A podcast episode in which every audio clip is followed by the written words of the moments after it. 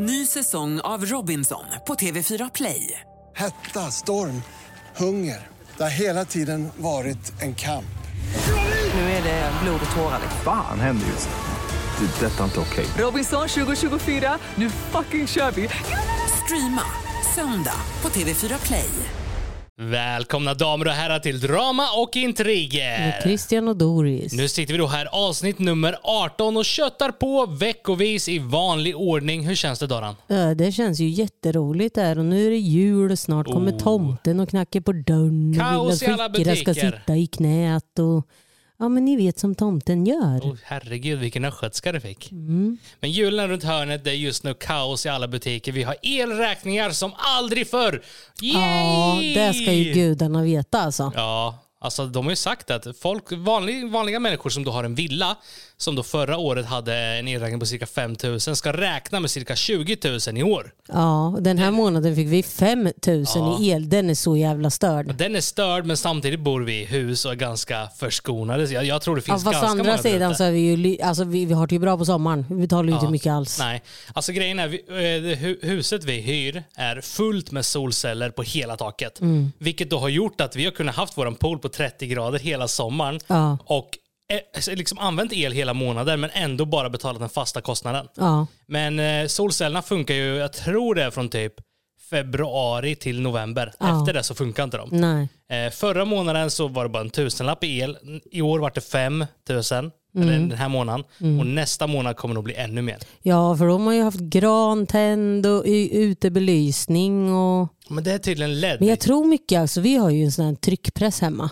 Ja. Jag tror att den kan dra väldigt mycket för den, den värmer upp väldigt fort. Ja, det är en sån här eh, En press... industriell, indi, indi, indi, industriell, industriell. industriell eh, ja, men tryckpress. t-shirt printtryckmaskin har vi. Exakt. Men jag tror det finns eh, ganska många såna här bovar i hemmet egentligen.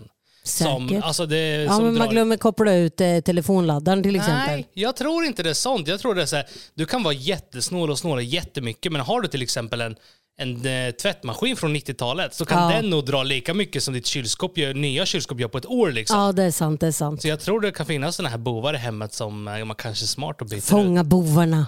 Men i alla fall, nu ska vi inte prata om elräkningarna för idag så har vi då laddat upp med åtta stycken helt sjuka historier. Så jag tänker vi tar och kör igång.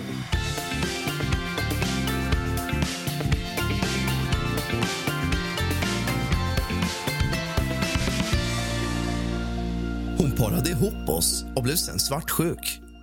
Hej Christian och Doris. Tack för en underbar podd. Nu till historien. Jag ska försöka vara så tydlig jag bara kan. För några månader sedan var jag och min dåvarande bästa vän iväg på en hemmafest. Alla förutom jag var fulla, men stämningen var på toppen då. Det dröjer inte länge förrän hon kommer fram till mig och säger Jag har den perfekta killen för dig då. Häng med! Jag tvekade och kollade skeptiskt på henne, men följde med i alla fall. Jag tyckte det var ganska jobbigt då, då jag för det första var i ett förhållande då, plus att hon visste om att jag och min pojkvän hade det lite tufft. Är inte jag den perfekta människan att para ihop folk, så säg. Sa hon och lämnade oss sen ensamma. Jag blev sittandes pratandes med denna kille och vi insåg att vi hade mycket gemensamt. Måste även tillägga att jag och denna kille bara var väldigt bra vänner och inget annat. Det gick en vecka och det är nu själva problemet uppstår. Min bästa vän som då försökte para ihop mig med honom, ja, vi kan kalla han för Simon. Hon fick världens utbrott på mig. Kallade mig för en äcklig svikare som förstört hennes liv. Hur kunde du göra så här mot mig? Nog för att jag visste att du var IQ-befriad, men jag trodde fan inte du var helt jävla tappad. Det visade sig alltså nu att hon själv var intresserad, eller rättare sagt kär i Simon och tycker nu att jag trampat henne på tårna bara för att han och jag pratar med varann. Jag har försökt för att förklara för henne att det inte finns något då jag starkt håller fast vid min partner och är inget annat än vän med Simon. Men hon tycker fortfarande att jag har gjort ett stort misstag och kräver nu att jag ska se upp kontakten med Simon och be henne om ursäkt. Men det var ju hon som introducerade oss för varandra från början och tog till och med stolthet i att hon var en bra matchmaker. Jag känner mig så kluven. Vem försöker ens para ihop någon med en person man själv är intresserad av? Samtidigt vill jag inte förlora henne helt. Hjälp mig. Har jag gjort fel? Och vad ska jag säga? Vill vara anonym. Du har absolut inte gjort fel, det är din kompis som har gjort fel. Alltså så här, eh, som man brukar säga, va? du kan ju inte ha kakan och äta samtidigt. Va? Ja, alltså jag vet inte, det hade varit någon så här underliggande tanke med det där, typ att hon vill att hon skulle wingmana, men då får hon vara lite tydlig med det med till sin polare. Bara hörru du, jag gillar honom som fan, kan inte du liksom försöka typ hjälpa mig, ja, wingmana men då säger liksom. man ju inte om jag är en matchmaker. Nej men precis, då säger man att man behöver hjälp wingmana. Stupida. Usch. Det var väldigt korkat gjort. Ja, men alltså, din kompis är dum i huvudet. Alltså, sorry to say, men hon är det. Det där är inte, det där, så det är ju inte en bro alltså. Och vet du vad Doris?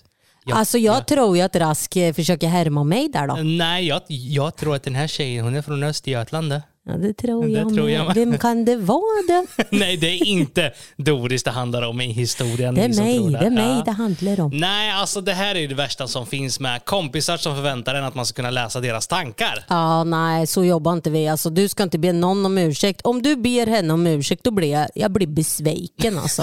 Du ska inte be någon om ursäkt. Lova mig, du som har skickat in det här, lova mig, be aldrig om ursäkt Nej. för en sån grej. Du har inte gjort något fel. Det är hon, det är din polare som är Ja, cray, cray, cray, cray. Riktigt retard. Man Ja, går ju alltså inte... om, man är, om man är kär i någon så går man ju inte bara, jag tror de här två skulle passa bra ihop. Åh, jag går och parar Ja, ihop dem. exakt. Det är väl ganska, det är som att skjuta sig själv i foten. Jag tror ju att den här, jag tror att hon, eh, hon den här kompisen som, som typ så här matchmakern. Ja. Jag tror att hon, hon ville nog du vet, så här, testa, kolla läget, typ testa. Om, om han typ intresserad, skulle vara intresserad för, om hon är kär i honom, typ så här, Ja. att hon har gått lite långt i tankarna där. Och det kanske inte är besvarat. Hon är kär i honom men han är inte kär i henne typ. Exakt, sådär. och, då så ska vill hon testa. kolla Ja. liksom så här. Och han eh, föll inte för betet, han åt Nej. den andra. Exakt. Oh, oh, oh. Ja men den här tjejen ska absolut inte be om ursäkt. Absolut inte.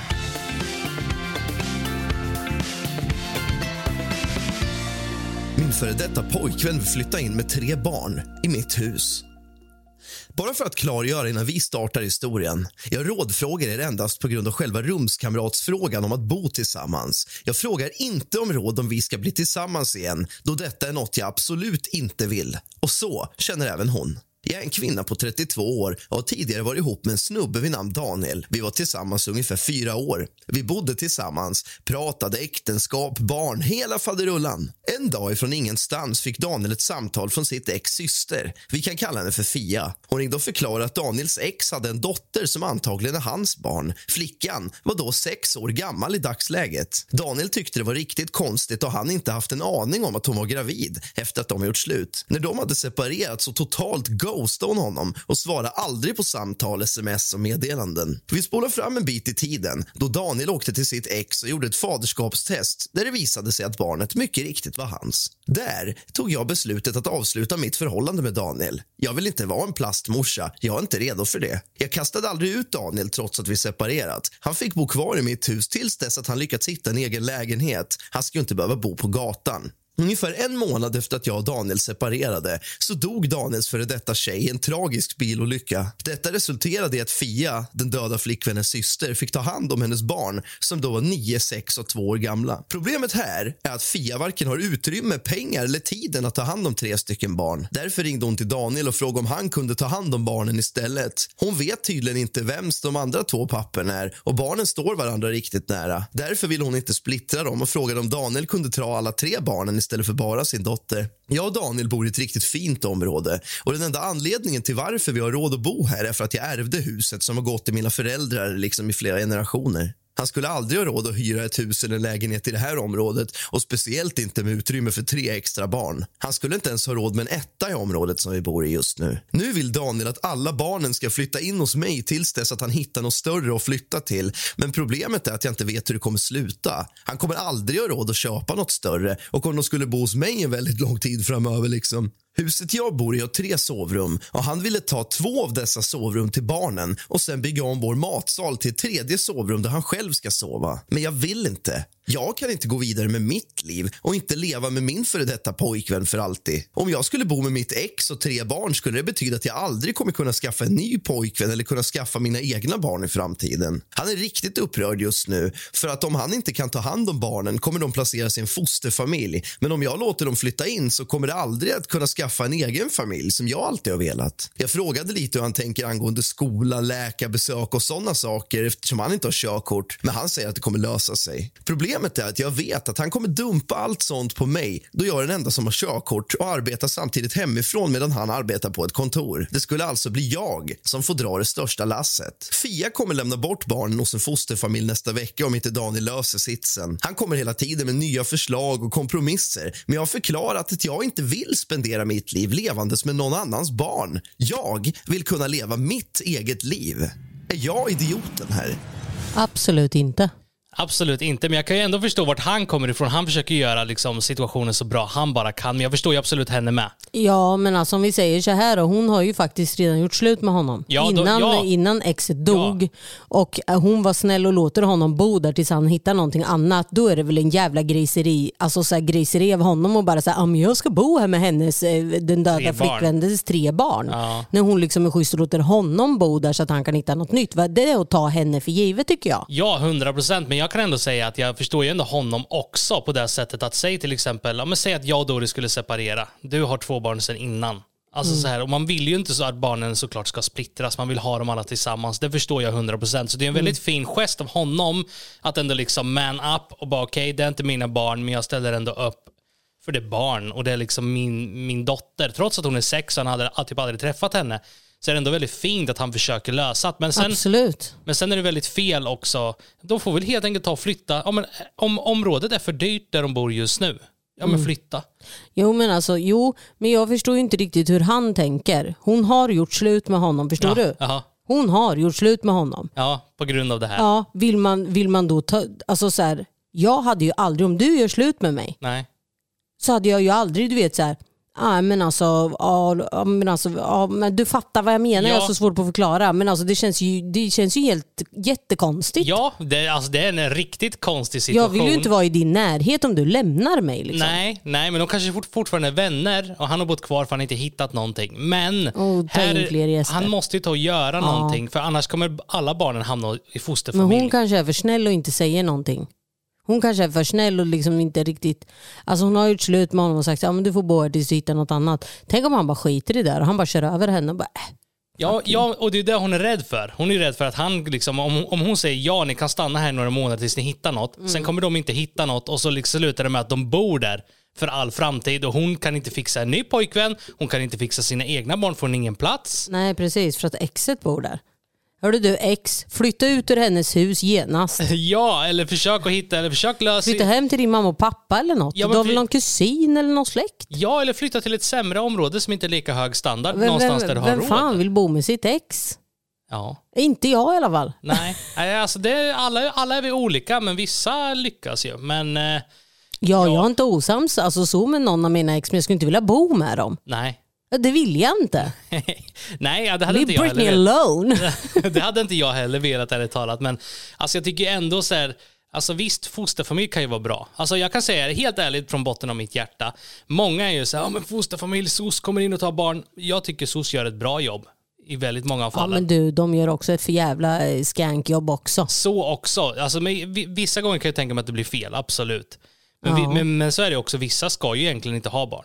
Alltså, så Nej, så är det ju. Men sen är det ju också många som kan typ Ja, men jag vet, flera historier, många som anmäler en familj och det är inget fel på familjen men på grund av den här anmälan så tar de barnen ifrån dem. Bara Ja. på grund av det. Ja. Och det är så här, är ni dumma i huvudet eller? Ja, ni måste ju utreda i sådana fall. Ja, men det brukar de ju göra. Ja, men ibland så är det ju, går det ju helt käpprätt åt helvete och stackars mammor blir av med sina barn helt obefogat. Det finns jättemycket muslimfamiljer och sådana familjer som har fått jävligt illa på grund av Ja, SOS. ja, 100 procent. 100 Jag blir upprörd. ja, då Jag har blivit... sett jättemycket så här jävla hemska historier och man kan ju bara sätta sig in i en sån situation. Fy F säger jag bara. Ja, men samtidigt är det ju som så här, de där historierna som man oftast hör på internet, det är inte alltid man får veta hela, hela historien som de berättar. Nej, alltså, om någon går ut med en historia, jag har förlorat mina barn, alla, då står inte de och berättar allt det negativa, de står ju bara och speglar det positiva. Ja, men jag tycker att det är Så fruktansvärt. jag tror att i många fall, om man vet liksom hela historien, verkligen all, man har all fakta som nu socialen har, så tror jag att det är inte så oskyldigt som det kanske framstår på sociala medier. De kom in och tog mitt barn utan anledning. Det tror jag inte. Nej, men jag tycker fortfarande att alltså, jag, jag kan ju fatta, så jag fattar ju när de tar barn som far illa. Ja, Men ändå de här mammorna som har blivit av med sina barn på grund av någon, en sån här, ja, men, någon, någon fattig anmälan, fattar du? ja, ja, men, ja, ja, jag förstår vart det kommer ifrån och det blir säkert fel. Alltså, det blir fel i alla system där mänskligheten är involverad. Liksom. Mm. Men eh, i många fall så är det ju rätt. Men sen fortfarande, jag skulle ju vara livrädd och veta att jag kanske förlorar mina barn, Mm. men jag vet inte vart de kommer hamna. De kanske kommer få det jättedåligt. Alltså, så man har ju ingen aning. Så jag tycker ändå det är en fin gest av Men på tal här. om, om föräldrar som blir av med sina barn, alltså det är så här, jag kan fatta grejen för också, alltså typ så här, som beter dig på sociala medier. Ja. Jag har ett bra exempel på TikTok. Ja. finns det ju en mamma och jag, jag, jag kan namedroppa henne Nej, för att alla göra. vet redan ja, vem hon vi, är. Vi behöver inte namedroppa. Nej, okej, men jag tror att alla vet vem, Ja. vem hon är. Ja. Eh, den äldre, äldre eh, kvinna. Ja. Eh, och hon hade två grabbar. Mm. Ja, hon vart ju av med dem för att hon håller på på TikTok. ja, och hur håller hon Och där på på förstår TikTok? ju jag, hon, Ja. är ju inte, hon, är ju inte, hon är inte frisk. Nej. Alltså så här, hon mår ju jättedåligt och menar på att de har tagit mina barn. Lalla. Men why man? Ja. Det är så uppenbart. Du Ja. ska inte ha dina kids liksom. Nej, och många gånger så är det som så att SOS gör ett bra jobb. Alltså oftast. Ja men det gör de, det tycker jag också. rädda liksom många barn. För om de, dessa barn skulle kanske leva, fortsätta leva under dessa omständigheter ska ju de i sin tur bli förstörda människor. Ja alltså, verkligen. trasiga Ja och- absolut. I, inte funkar i samhället och, eller kanske till och med tar droger. Alltså det kan bli så mycket problematik om de fortsätter leva i en misär. Ja så är det ju. Så att om Absolut. nu SOS går in och räddar dem i en tidig ålder så kan ju det rädda deras liv. Ja men så är det. Absolut. Och det, det behöver inte bli snedsteg längre fram i livet. Liksom. Men i det här läget, jag förstår henne, men jag förstår honom med. Han är ju så här, han vill försöka lösa situationen. Mm. Han gör ju allt han kan för att rädda dessa barn från fosterfamilj och liksom ta dessa barn under sina vingar. Jag förstår varför han tjatar på henne. Men jag förstår samtidigt varför hon säger nej också. Alltså Mm. Ja men alltså de är inte tillsammans. nej, Alltså nej. då är det så här, nej jag fattar inte honom heller. Jo, för Nej. han, för han skit samma. Så länge jag lyckas lösa situationen, det är mitt ex, skit, skit i vad hon tycker. Jag försöker, jag försöker, jag försöker. För han bryr sig inte direkt om henne, de har gjort slut liksom. Så han försöker ju bara lösa situationen för sitt egna bästa. Medan hon tänker på sitt egna bästa. Det här blir för rörigt i mitt huvud och jag tycker inte det. Jag tycker inte det. Jag tycker, Nej. att han, eh, jag tycker att han borde hitta något annat. För hon Ja. har gjort slut, de är inte ihop. Och du är fri att ha vilken åsikt du vill. Du behöver inte tycka samma som mig Dara. Men nej men bara... du försöker ju få mig att tycka som det. Jag gör inte det. Nej, jag förklarar varför jag tycker som jag gör. Ja men det är jättekonstigt. Jag, Ja. jag hänger inte med där. Nej. Och, nu, och eh, vi kan säga även som så här att om du som tittare kanske har någon eh, historia eller dilemma, mejla Ja. då in på drama och intriger i ett ord at hotmail.com. Alltså det är verkligen skitkul när ni skickar in alltså. Ja. Det är jättekul och allting, alla ni som väljer att skicka in, ni behöver aldrig oroa er att ni blir namedroppade om ni inte alltså så här, vill det. Så Ja. att, eh, så här, vill ni vara anonyma så är ni anonyma Men givetvis. Alltså vi, vi liksom, vad ska man säga, vi låter alla vara anonyma. Om man inte skriver att man inte vill vara anonym, då kan vi säga namn Ja och sånt. exakt, exakt. Men alltså om man inte skriver att man inte vill vara anonym, då blir man automatiskt det. Ja precis. Så ta och mejla in så tar vi helt enkelt och rullar nästa historia. Ny säsong av Robinson på TV4 Play. Hetta, storm, hunger. Det har hela tiden varit en kamp. Nu är det blod och tårar. Fan händer just nu. Det. är Detta är inte okej. Robinson 2024, nu fucking kör vi! Streama söndag på TV4 Play. Ett poddtips från Podplay. I fallen jag aldrig glömmer djupdyker Hasse Aro i arbetet bakom några av Sveriges mest uppseendeväckande brottsutredningar. Går vi in med hemlig telefonavlyssning och, och då upplever vi att vi får en total förändring av hans beteende. Vad är det som händer nu? Vem är det som läcker? Och så säger han att jag är kriminell, jag har varit kriminell i hela mitt liv men att mörda ett barn, där går min gräns. Nya säsongen av Fallen jag aldrig glömmer på Podplay. Imorgon lämnar jag min man. Jag är en kvinna på 29 år. Jag har en man vid namn Stefan. Vårt äktenskap har inte varit jättelångt och vi har varit gifta i lite mindre än ett år. Helt ärligt vet jag inte riktigt varför jag svarade ja när han friade. Jag måste ha varit besatt eller något. Jag var ensam, desperat, jag vet inte. Vilket som, så svarade jag ja när han friade. För några år sedan dog mina föräldrar. Det resulterade i att jag fick bli förmyndare och ta hand om min lillebror Adam som då var 17. Han är idag 18.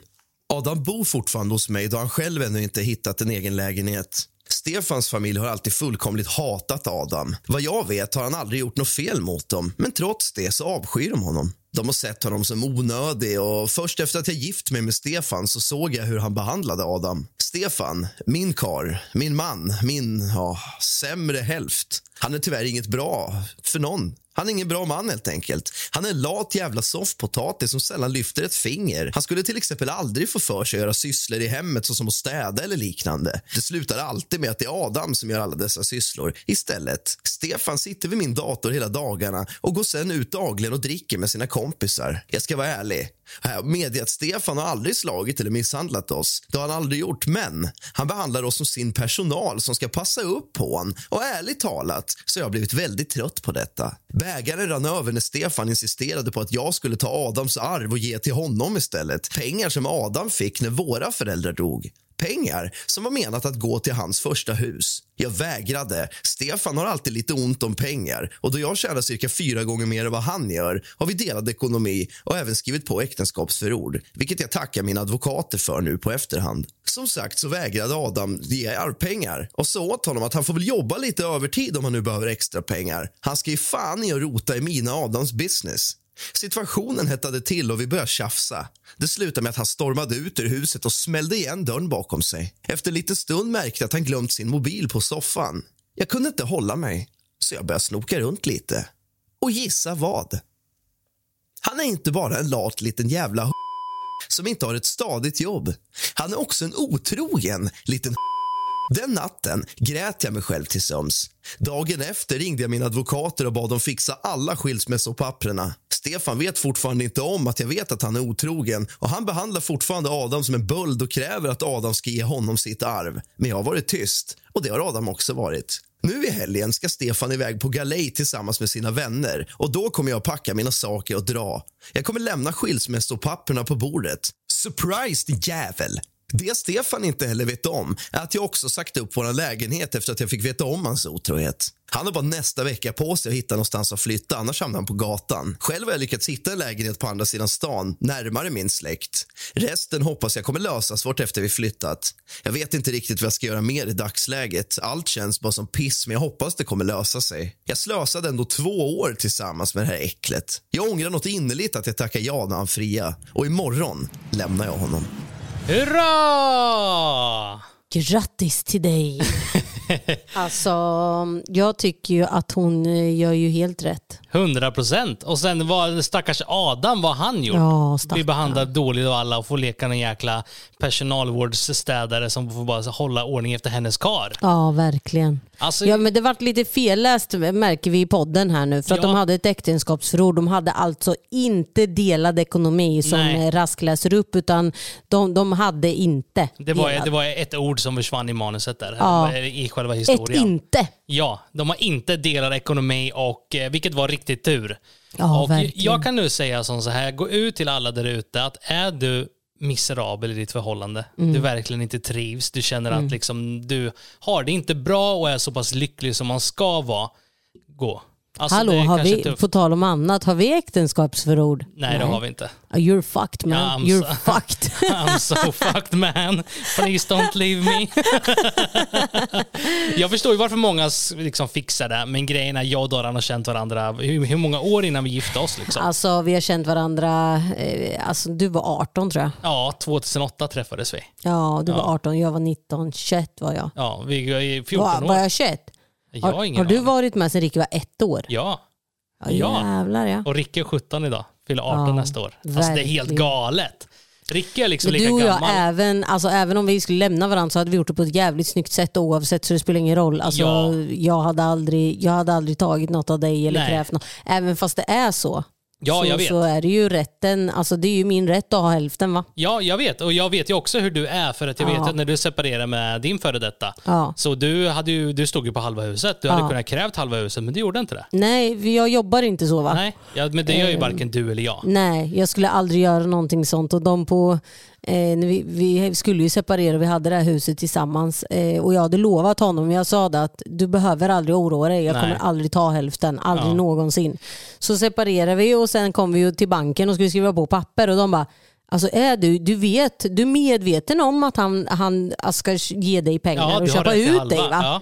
Ja men jag vill inte det. Så hon, alltså hon, hon tyckte att jag var helt Dum i huvudet. Ja. ja. Helt dum i huvudet. Men vi Ja. är ju bästa vänner så alltså det är så här, skulle aldrig skada honom på något sätt. Och har jag sagt någonting så håller jag det. Ja, och det är inte som så att du hade mycket pengar heller i det läget. Nej, jag hade Alltså, inga pengar. nej. Inga pengar typ. Jag hade Nej. inget jobb, jag hade ingenting. Nej, du gick på socialbidrag, men Ja. ändå krävde du inte halva, vilket alltså, du har ett fint hjärta. Och återigen till historien här då. Vad var historien? Eh, jag måste Just det, tänka. hon ska lämna sin karl. Ja just det, och det absolut. 100 procent. 100 procent. Det är ingen idé. Men vad jobbigt ändå de som har så här, de som tänker smider såna här planer vet du. Ja. Att hon fick ju reda på att han var otrogen så här. Jag hade ju haft skitsvårt att hålla pokerface Ja. tills jag lämnar. Ja, och sen- för, för, alltså så här, du hade ju fattat att det är någonting med mig. Ja, Alltså så ja. vad är det? Vad är, jag märker att det är någonting. Så jag bara, nej men det är ingenting. Tills bara, "Men, din lille jävel. Jag hade inte klarat Nej, det. nej, det hade nog inte jag heller. Jag tycker det är jävla strångt. Ja, jag hade nog liksom inte kunnat hålla pokerface och Nej. lägga mig bredvid dig på kvällen. Nej. Godnatt älskling, godnatt. Och bara låtsas som när jag vet att du är fucking otrogen mot mig. Exakt. Det alltså, hade- så här, jag hade jag hade, jag hade liksom så här, varit tjurskallig som fan. Ja. Så nu kommer då den här killen komma hem ifrån sin weekendparty och ha en vecka på sig att flytta. Innan det, och efter det så hamnar han på gatan. Mm. Ja. Och det är mycket bra, mycket bra. Han har inte rätt till eh, sonens arv. Nej. Eller brorsans arv var det till och med.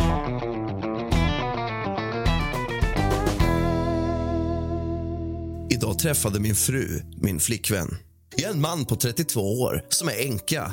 Min fru gick tyvärr bort för fem år sedan på grund av aggressiv cancer. Jag blev lämnad med våra två barn Robin på 10 och Martin på 7. Min fru var verkligen höjdpunkten i mitt liv. Vi blev tillsammans i gymnasiet och studerade sen tillsammans på samma högskola och gifte oss efter examen.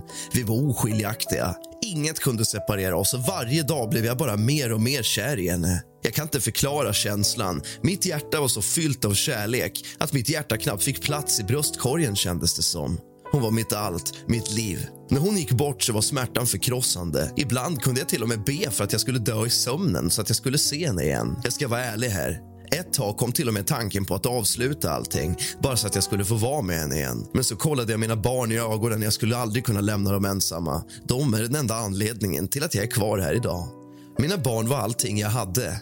Det tog flera år innan jag började fungera som en vanlig människa igen. När min fru dog gick jag verkligen ner mig. Förlorade mitt jobb och levde på sparade pengar ungefär ett år. Under de första två åren var jag tyvärr ingen vidare bra pappa. Jag var helt förstörd och min personlighet var helt förändrad mot hur jag var tidigare. Men efter två år insåg jag att jag måste skärpa mig och kickade därför upp en växel. Jag hittade ett jobb i en annan stad som var närmare mina föräldrar. Jag packade ihop vårt pick och pack och drog. Livet var hårt till en början, men vi kämpade på och till slut lyckades jag hitta lite lycka i vårt nya hus. Ett år efter att vi har flyttat åkte jag iväg på en affärsresa med jobbet. Där hittade jag min nuvarande flickvän Lisa. Vi hade riktigt bra kemi och träffades då och då. Efter ett tag så bestämde sig Lisa för att byta arbete till en avdelning i min stad. Hon hittade en lägenhet och flyttade också. Jag blev förälskad i henne redan från start och jag förklarade att jag var gift och att hon förstod. Mina barn fullkomligt älskar henne och hon har också förklarat för mina barn att hon aldrig skulle ta deras mammas plats. Båda mina söner kallar henne för mamma Lisa. Idag var det exakt sex år sedan min fru gick bort och det var en fruktansvärd hård dag för oss alla. När jag gick ur sängen i morse hittade jag Lisa ståendes väntande på mig tillsammans med mina två söner. De var alla klädda i finkläder och stod där och smålog. Tydligen så kom Lisa på en liten idé som hon presenterade för barnen. Det var att vi alla skulle gå till kyrkogården där min fru var begravd och ha en liten picknick. Båda mina söner fullkomligt älskade idén då de gillade att besöka sin mamma. Medan jag sov hade de tagit på sig finkläder, plockat blommor och förberett mat. Jag ska vara ärlig och säga att det kom lite tårar när jag såg dem. Jag förstod inte hur jag kunde ha sån tur två gånger i rad med kärleken. Vi hade den bästa dagen på länge och min fru fick träffa min flickvän. Ibland kan jag må lite dåligt. Det kan kännas så fel att jag gått vidare. Men jag vet att min fru hade velat att jag skulle gå vidare. Även barnen har det riktigt bra. Har jag svikit min fru?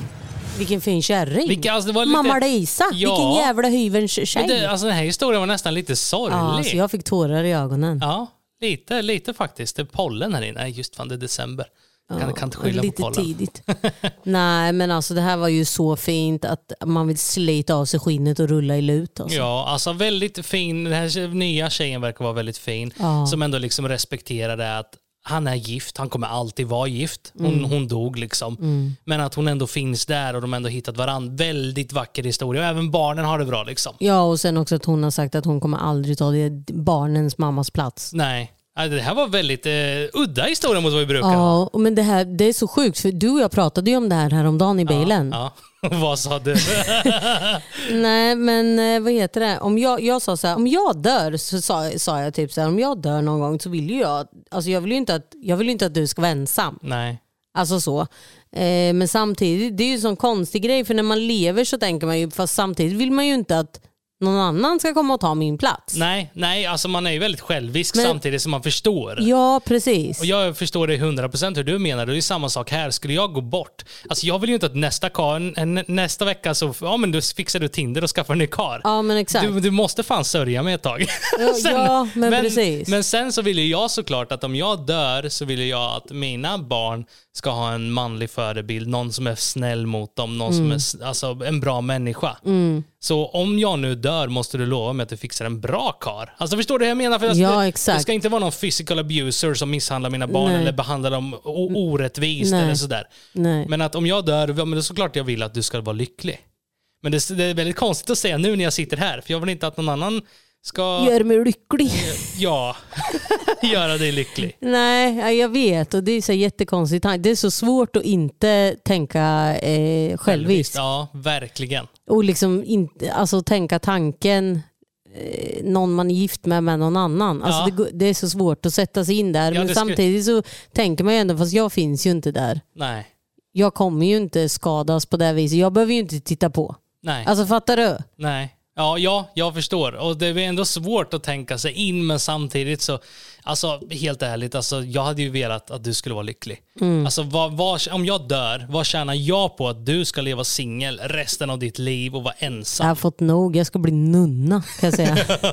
Hur många gånger har inte jag sagt det till dig? Jag bara, jag ska bli nunna alltså. alltså vad heter det? Celibat? Ja, Alltså fan bli det alltså. ska du det? Ja, jag ska det. Ja. Jag pallar inte mer alltså. Det är färdigt, jag orkar inte. Ja, men alltså återigen väldigt vacker historia. Verkligen. Anser. Han har inte gjort någonting fel. Nej. Väldigt vacker också att hon liksom, hon tar initiativet på sexårsdagen när mamman dog. Verkligen. Att gå ut och ta picknick och ja, hans fru eh, träffade hans flickvän.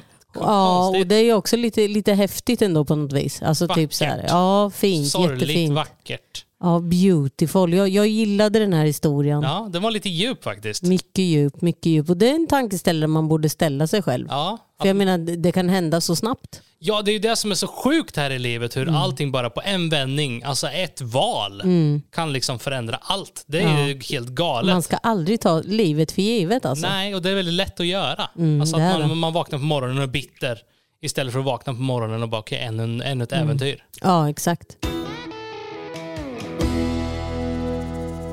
Arg dotter.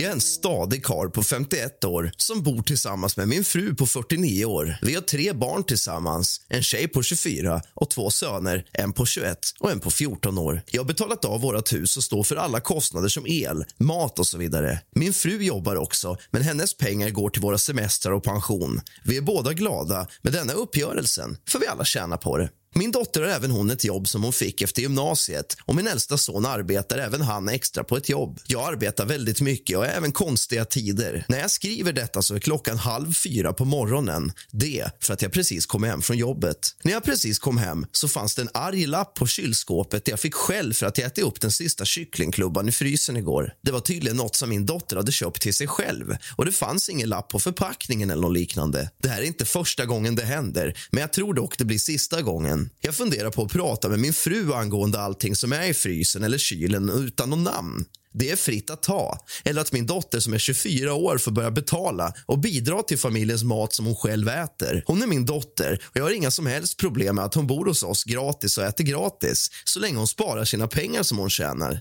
Det har ett problem med att hon kallar mig för idiot som äter mat i min egna frys som det inte finns ett namn eller lapp på. Jag ska också tillägga att maten som hon kallar för sin mat är sån mat som hon själv inte köpt. Det är mat hon bett sin mamma att köpa när hon varit i affären. Gjorde jag fel som tog sista kycklingklubban? Verkligen inte. Ja, men alltså, det där är en svår sits. Alltså, jag, jag fattar grejen. Å andra sidan, ju för sig hon är för fan vuxen. Hon är typ 24. Ja, men alltså som till exempel här hemma. Ja.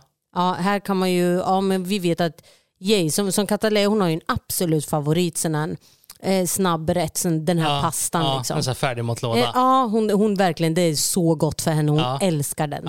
Eh, och, och Den har ju inte hon betalat. Men om inte hon vill ha den så brukar jag kunna säga med Jason. Men då säger jag alltid till Katalea, kan Jason ta den då? Om inte du vill ha den. Ja. För Jason vill ha den. Men det beror ju lite på också. Så han, han jobbar hela dagarna, han jobbar konstiga tider. Han kommer hem, hittar en kycklingklubba i frysen. Okej, men jag kastar in den, värmer på den i Mm. ugnen och så äter jag upp den. Det är ju inget konstigt. Och här är det ju som så att om dottern vill ha den där i fred för att hon har köpt den till sig själv, Mm. då kan hon i alla fall skriva sitt namn på påsen eller säga till farsan, hörru du, kycklingklubban som är i frysen, jag ska äta den imorgon. Ja, exakt. Och exakt. då, då skulle ju inte han göra det. Nej, så Men det är hon- lite synd om pappan får obefogad skit sådär. Ja. När hon inte ens sätter lapp eller någonting på. Då kan ju inte han veta. Nej men precis. Och det är ändå han som har betalat allt så det är inte konstigt att han liksom... Och sen kan ju inte han hålla koll på vilken mat som är hennes och deras med tanke på att det är frugan som handlar. Ja, precis. Han vet ju inte, han bara kommer hem från jobbet och är hungrig liksom. Ja. Nej, det är synd om pappi. Ja, det, det, ja, men det är det faktiskt. Och jag Du är är själv dum här, mot din pappa. Vi har ju oftast koll i vår egna kyl till exempel. Vi har ju en 17-åring hemma, Ricky. Och jag vet ju att har, alltså, står det en energidricka i kylen som jag inte har köpt, då vet jag att den inte är min. Och då tar ju inte jag den. Mm. Nej. Alltså, det är ju så. Men, men samtidigt med en kycklingklubba är det väldigt svårt att veta. Har Ricky köpt en kycklingklubba och lagt in i frysen? Ja. Jag kom på kvällen, ja men kycklingklubban var nice, den ska jag värma på. Mm. Det, alltså, det här är, hon har gjort väldigt fel. Ja, din dotter ska få en avhyvling hörru du mister. Ja, och ta att allting utan namn i frysen och kylen, det är fair game. Ja, Det är bara ja. att Du ta. får skylla dig själv. Ja. Vad fan, ska du flytta hemifrån? Skaffa din egen jävla frys då. Men sen kan jag också tycka här, alltså lite sådär att hon är 24 år. Mm. Jag kan bara sätta mig in i min egna situation och jag skulle absolut inte kräva att mina barn ska behöva betala för mat när de blir vuxna. Nej. Absolut inte. Nej. Men jag kan bara säga själv att om hade jag varit 24 år och jag har ett jobb och jag bor hemma Då gör man rätt för sig. så hade jag, även om mina föräldrar inte hade krävt det, så hade jag ändå liksom bidragit med min mat eller så betalat en del av maten, betalat en del av hyran för att hjälpa till. Ja, precis. Men det var jag hade gjort som person liksom. Ja. Eh, Men sen är alla tycker olika, absolut. Men här, hon är 24, kom igen. Han, farsan tog din kycklingklubba, buhu. Du har tillräckligt mycket, du bor gratis, du ja. äter gratis. Och du sparar dina pengar hela månaderna. du Liksom. kan köpa en till kycklingklubba och du behöver inte köpa eldorado, du kan köpa kronfågel.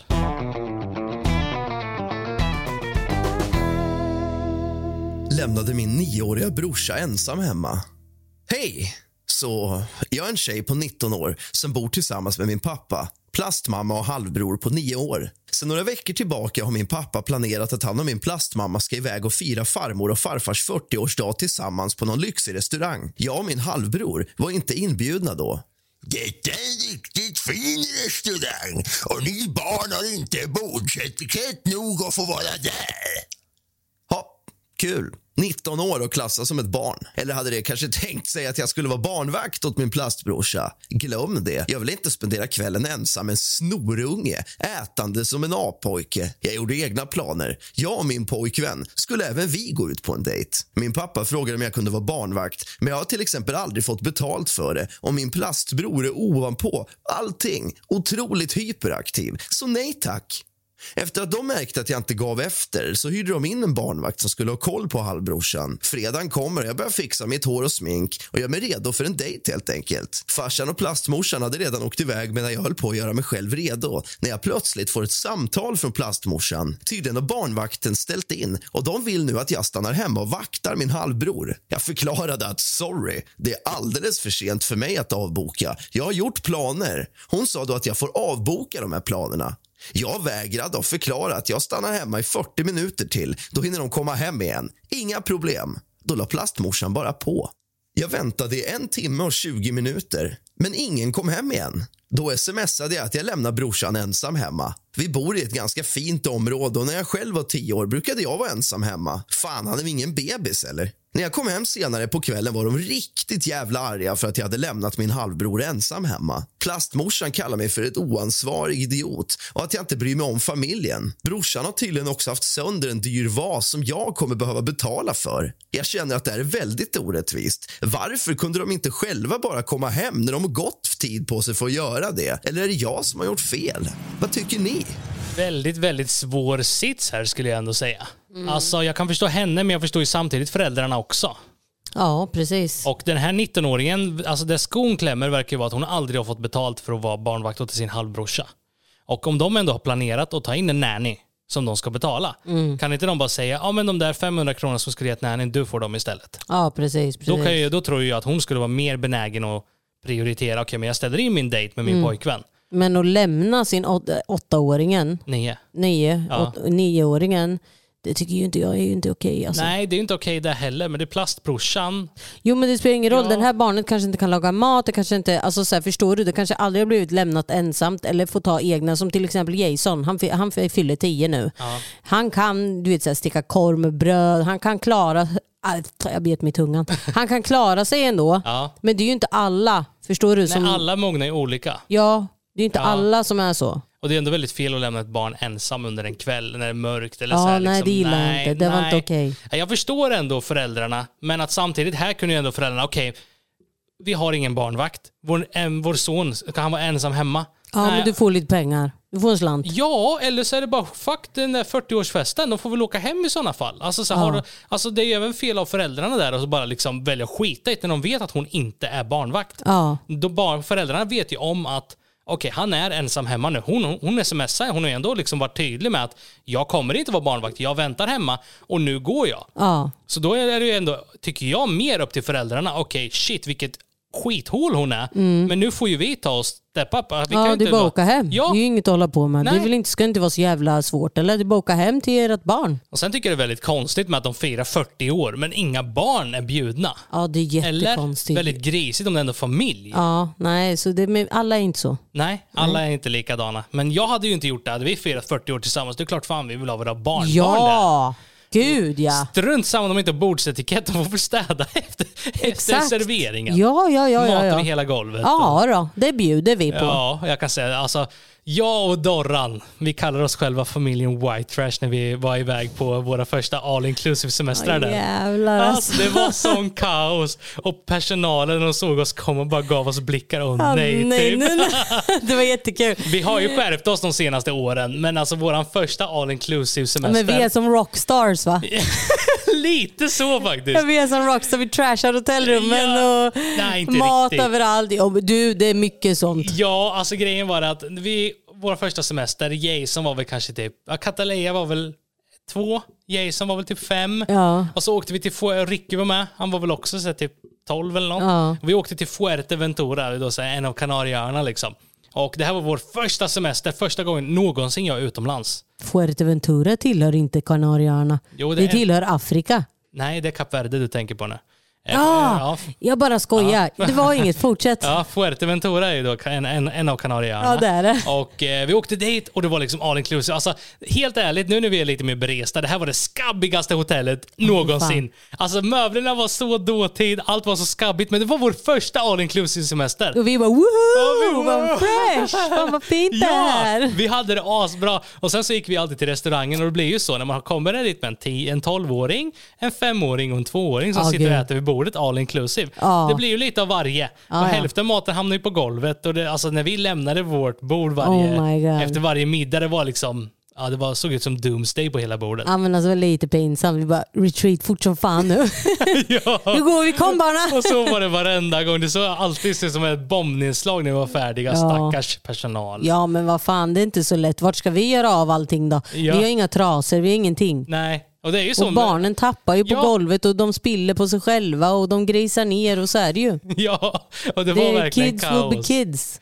Men återigen till historien här. Jag anser att här, det är ändå föräldrarna som gjort fel. Ja. De kan inte ta för givet att deras 19-åring ska vara barnvakt helt gratis och Nej. prioritera. Och då Alltså, får nej. ni fan i mig åka hem bara. Ställ in 40-årskalaset, fortsätt att fira hemma med era barn. Ja, eller så kan en åka. Till Ja. exempel mamman.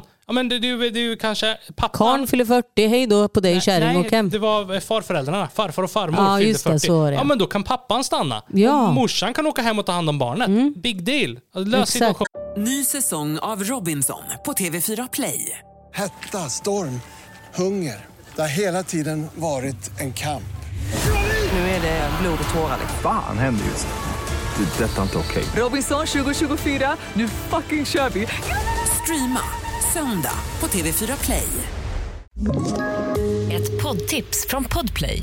I fallen jag aldrig glömmer djupdyker Hasse Aro i arbetet bakom några av Sveriges mest uppseendeväckande brottsutredningar. Går vi in med hemlig telefonavlyssning och, och då upplever vi att vi får en total förändring av hans beteende. Vad är det som händer nu? Vem är det som läcker? Och så säger han att jag är kriminell, jag har varit kriminell i hela mitt liv men att mörda ett barn, där går min gräns. Nya säsongen av Fallen jag aldrig glömmer på Podplay. Men.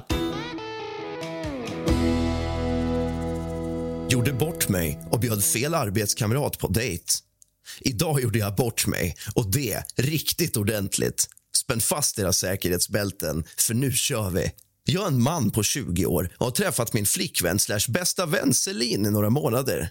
Vi jobbar på samma företag och hon fyllde nyligen år. Min flickvän Celine fyller på exakt samma dag som vår andra arbetskamrat Mariette. Och Mariette är 18 år. Vi jobbar på ett ganska litet företag där endast är åtta anställda och vi brukar köpa födelsedagspresenter åt varandra. Så när jag köpte en födelsedagspresent till min flickvän Selina var jag också tvungen att köpa en till Mariette med. Till Mariette köpte jag ett halsband med en delfin på medan till min flickvän Celine köpte jag en riktigt fin ring för ungefär 5 000 spänn. Jag skrev även ett fint brev där det stod hur mycket jag uppskattar henne. Sen stoppade jag in två biljetter till en spelning där en större artist skulle uppträda i nästa vecka. Så det enda paketet var mycket mer kärleksfullt än det andra såklart. När Celine fyllde år köpte jag Bounties och kaffe som jag serverade som frukost på sängen. Vi åt tillsammans i sängen och sen kollade jag på min mobil. Jag insåg att jag sa fel i mitt schema. Jag trodde jag skulle börja klockan nio när jag nu ser att jag egentligen börjar halv nio. Jag kastar på mig kläderna och tar med paketet till Mariette och sen skyndar jag till jobbet. När jag gav Mariette presenten gick jag därifrån då jag inte gillar att se på när folk öppnar mina paket. När jag var i rummet bredvid hör jag hur alla människor i rummet gaspar efter andan och blir överraskade. Jag tänkte att vad bra, hon måste tydligen ha gillat delfinen. Plötsligt kommer Mariette inspringandes till mig och kastar sig runt mig och kysser mig på kinden medan hon sa att hon fullkomligt älskar att gå på dejt med mig. Jag kollade på henne förvirrad och såg att hon höll i biljetterna. Fuck my life. De nästa 30 minuterna var ett rent helvete när jag försökte förklara att det inte var henne jag ville gå på dejt med. Att presenten egentligen var till min flickvän, men att jag förväxlat paketen. Stackars Mariette tappade verkligen all färg i ansiktet. Och då överdriver jag inte. Man kunde verkligen se hennes besvikelse i ansiktet. Och man skulle kunna säga att timmarna på kontoret gick riktigt långsamt efter det här. När lunchen kom tänkte jag åka raka vägen hem. När jag förklarade situationen för Celine började hon driva och göra narr av mig. När jag åkte tillbaka till jobbet gav jag Mariette sin egentliga present men hon kollade inte ens på mig. Bara satt och stirrade neråt hela tiden. Jag har aldrig i mitt liv känt mig så hemsk. Jag hoppas att Mariette någon gång i framtiden börjar prata med mig igen. Oh. Alltså herregud vad pinsamt. Jävlar ja. Åh. Alltså nu stackars Mariette. Ja, stackars Mariette. Men vad hade Mariette förväntat sig? Ja men Mariette har, kanske en hemlig crush på honom men vet att han, han är ihop med Celine liksom. Och sen så får hon en present det han skriver att han verkligen uppskattar henne om hon vill gå på dejt med honom. Åh. Och se en stor artist liksom, här är biljetterna, en jättedyr ring. Åh. Och hon hoppar på honom, pussar på kinden, säger hon vill gärna gå på en Det är dejt. bara, tyvärr, det, it was not for you. Nej! Ah fy satan! Ja, verkligen. Vad pinsamt, herregud. Jättepinsamt. Alltså gud, vad tarvligt eller vad ska en säga? Alltså vilken jobbig sits. Och de jobbar ju tillsammans på ett litet företag med bara åtta personer anställda. ja, jag vet och de ja. måste jobba med varandra varje... Ja, gud vad pinsamt. Och då, nu vet ju han om att hon har en crush på honom. Ja, Alltså så här, exakt. annars skulle inte hon reagerat sådär. Och vilken jobbig sits. Och alltså, det är så liten förväxling men ändå så stort problem. Åh herregud, så jävla klantigt gjort. Ja, Aj, ve- aj, aj. Men jag vet, alltså, det är lätt hänt, alltså, man är stressad och du vet såhär. ja, ja. Han, Ah, nej gud, fy fan. Alltså jag tycker mest synd om hon Mariette alltså. Alltså hon har inte gjort Ja, jag tycker någonting. synd om honom också. Som Ja. måste, du vet, så här, då ska han liksom rädda sig själv. Liksom här. Och, så, åh, och sen besvik, se besvikelsen i den andras ögon när man förklarar att, att tyvärr, det var inte din, här är din present, en delfin. Varsågod. Varsågod, det var ändå ett halsband liksom. Alltså det är så lätt hänt i vissa situationer att liksom göra bort sig på det här Ja, sättet. Och det kan stackars. bli så pinsamt. Ja, gud. På tal om att göra bort sig så var vi i Stockholm en gång. Och jag var jättestressad. Alltså ni som har kört i Stockholm, ni vet alltså i Stockholm city det är kaos. Det är rusningstrafik, klockan var 16.00. Det var bilar överallt, det var gående överallt, fotgängare och eh, cyklar, mopeder. Det var helt enkelt kaos. Och eh, jag håller på att köra där, mitt i Stockholm. Jag hittar inte för fem öre så jag har GPS på. Och så får jag då ett samtal. Och eh, samtalet är då från vårt postombud Åh gud. som då säger att ja hej Christian för alltså grejen är att de vet ju vilka vi är. Så de Åh, har ju mitt Gud. nummer och de vet att okej du har ett paket här som är ganska stort du skulle behöva hämta ut för vi Mm. känner dem på postombudet. Jag bara ja men shit tack så jättemycket så här, men jag, jag kommer lite senare när jag är tillbaka i Norrköping, jag är i Stockholm just nu. Mm. Okej jättebra tack, okej hej då. Precis när jag då ska lägga på så lägger jag ner telefonen och precis då så kör det ut en bil precis framför mig så jag slår tvärnit och skriker jävla f-. Mm. Men jag hade inte lagt på. Nej. Ja, han hade ju inte lagt på luren förstår ni. Och jag bara du, tittar på Chris. Jag Och bara, var med. och sen efteråt så hörde man bara klick. och jag och Rask bara nej. Du vet, så bara, jag och Rask, alltså vi asgarvade.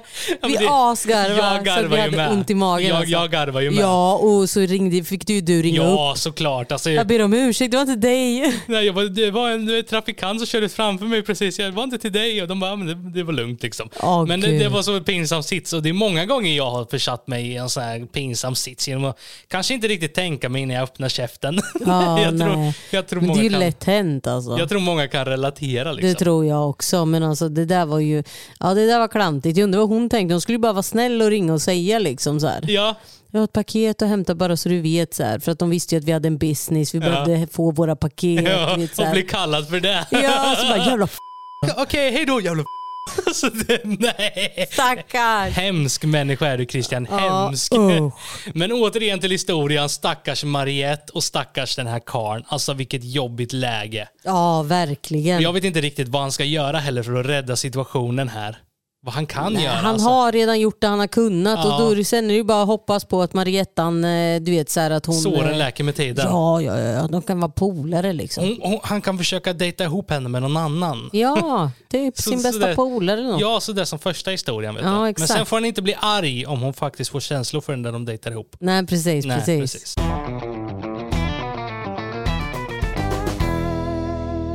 Tvingar min gravida flickvän att betala min mat hon åt upp. Jag är en man på 26 år som har en flickvän på 29 år och vi har varit tillsammans i två år. Innan vi blev ihop har hon och hennes syster planerat att hon ska vara surrogatmamma till sin syster och hennes man. Hon vill vara tydlig om denna uppgörelse redan i början när vi blev tillsammans och jag ser det inte som några konstigheter. Hennes syster kan inte få barn med sin man. Därför ställer min flickvän upp och avlar fram ett barn till dem. Låter lite fucked up egentligen, men vad fan, alla sätt är bra utom de dåliga. I skrivande stund är min flickvän gravid med deras barn i alla fall. Min flickvän bor hemma hos sin syster men kommer förbi mig ganska ofta så vi kan umgås. Hennes graviditet är inte illa egentligen. Det enda är att hon är totalt raidar mitt kök. Det är som en vild apliknande varelse. Liksom. Eller så skriver hon innan vilka cravings hon har så får jag se till att det finns hemma. Mina föräldrar skulle komma på besök och fråga om de kunde köpa med sig något. Jag visste att de skulle köra förbi min favoritrestaurang och bad dem köpa med sig från mitt favoritställe, min favorit. Biff med bambuskott och ris. Dregla bara jag skriver om det. Jag var inte superhungrig när de kom på besök så jag åt bara lite grann och tänkte att jag käkar resten till middag senare ikväll och stoppade resten i kylen. När mina föräldrar åkt hem kom min flickvän någon timme senare. Hon blev hungrig och kom ut med en låda mat och frågade. Får jag äta lite av det här? Det ser väldigt gott ut.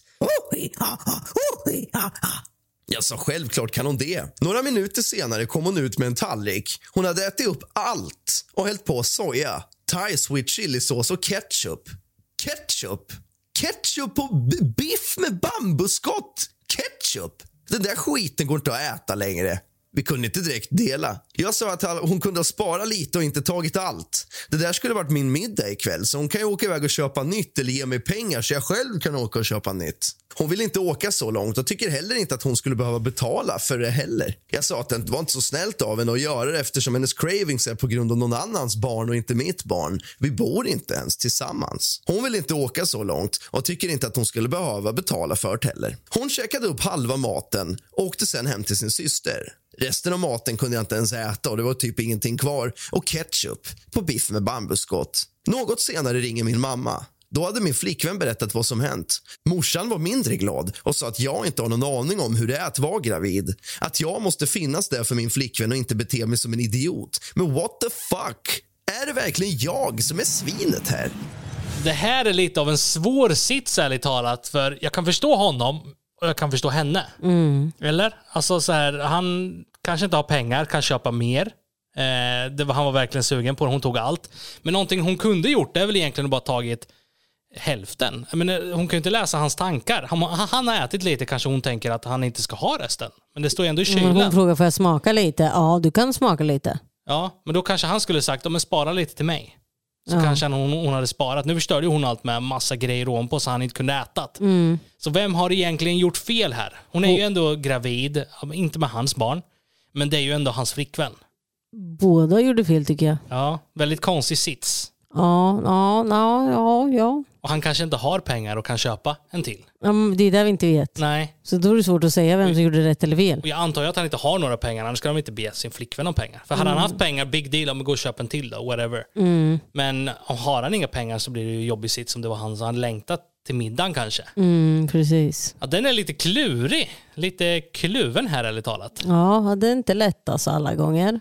Och sen, ja, men som sagt, jag fattar ju vad, hur han tänker. Det är inte, det är inte, hade varit en annan sak om det var flickvännen var gravid med hans barn. Ja. Då känns det ju mer nära en själv. Ja. Men när det inte är ens, alltså så här, om barnet ändå ska bli bortadopterat eller vad man gör, surrogatad. Den måste vara tuff att vara surrogatmamma. Tror inte du det? Ja, Alltså, så det jag fin- hade aldrig kunnat vara det. jag tror det krävs nog att man är väldigt speciell som person för att alltså, har man inte haft barn innan så tror jag inte man förstår vad vi pratar om just nu. Men när barnet väl kommer ut och man känner att det är en del av sig själv Mm. och bara ge upp där. Det finns ju folk, mammor som, och pappor med som adopterar bort sina barn redan från födseln med. Men har hon då blivit injicerad eller injected with eh, the sister guy's Ja. sperm? Ja, jag tror ju inte Ja, att men de då har gjort... fattar jag ju ändå killen. Han har ju ingen connection där då alls. Nej, men jag tror inte att de hon- jag tror inte hon haft samlag med sin systers man. Liksom. Nej, nej, nej, nej, eh, nej, men jag bara tänkte om, eller om det var att de två haft sex, killen och hon, och sen att de ska adoptera bort barnet. Ja, Fattar nej, du? nej, att hon är, nej, jag tror han, hon är inseminerad om hon är surrogatmamma. Ah, okej. Antagligen. I guess, jag tror, ja det, så måste det vara. Men jag tror till och med att en surrogatmamma kan få ägg av kvinnan och sperman av mannen. Den är konstig. Ja, jag tror barn- att de kan det. Ja. Det blir inte, jo, det, det blir typ ditt barn också för den får ju en del av dina gener. Den får ju två mammor och en pappa då. Ja. Typ. För det får ju... Visst fan går det? Ja, ja, ja. För att eh, så gör ju lesbiska par. De, det blir ju båda. De tar ju ett ägg ifrån kvinnan ja.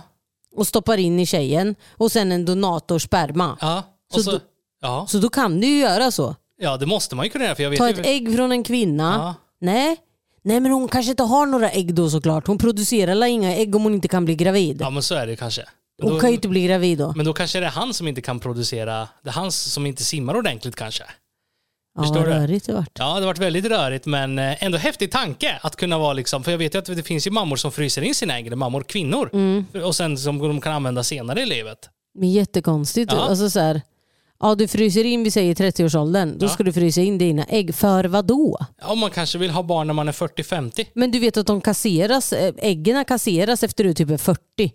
Jaha. Jag har ingen aning hur det där funkar. Du, alltså, så då, har du, ja, men låt säga, ja, men då har du 10 år på dig då. Och hitta, men varför? Jag fattar Men inte. många kanske vet att de är nära, kanske är rädda att de är nära det här klimakteriet, där de inte kan få barn. Men kan de ändå få barn om man planterar in en, ett ägg? Det här är ingen forskningspodcast och det tror jag att ni fattar när ni Ja. hör det här. Jag och Doran bara bollar med varandra vad vi Ja, hur går tror. det till egentligen? Jag fattar inte. Men ja, kära vänner, avsnitt nummer 18. Mm. Och vi är numera med i Podplay. Det är vi. Podplay. Det är faktiskt riktigt roligt för det betyder att vi kan börja ha reklam i våran podd. Ja. Vilket i sin tur leder att vi kan få intäkter för podden. Ja. Vilket i sin tur leder till att vi kan liksom lägga mer energi och mer, ja, men alltså mer tid. Ja men precis, precis. Och förhoppningen är ju att om den här podden fortsätter och blir så populär, alltså Mm. liksom fortsätter spika uppåt som den gjort hittills, Mm. att vi kanske kan börja släppa två avsnitt i veckan framöver. Precis, och det är där ju vi vill. För vi tycker verkligen det här är galet roligt och om du som lyssnar tycker det är galet roligt att lyssna, gå gärna ner till stjärnorna och ge oss ett betyg 1-5. 555. 555, det skulle uppskattas något enormt. Och Yes. eh, någonting du även kan ta och göra, tipsa dina vänner om oss. Mm. För desto mer som lyssnar på podden, desto mer kan vi jobba med den och desto Precis. mer avsnitt kan vi då producera. Underbart. Men julen är runt hörnet. Vi ska ut och köpa lite julklappar och eh, ge oss ut bland alla The Walking Dead-människor där ute. Och vi önskar er alla en god jul och gott nytt ja, år. Ja, men vi hörs igen nästa vecka det på onsdag klockan 06.00. Puss och kram!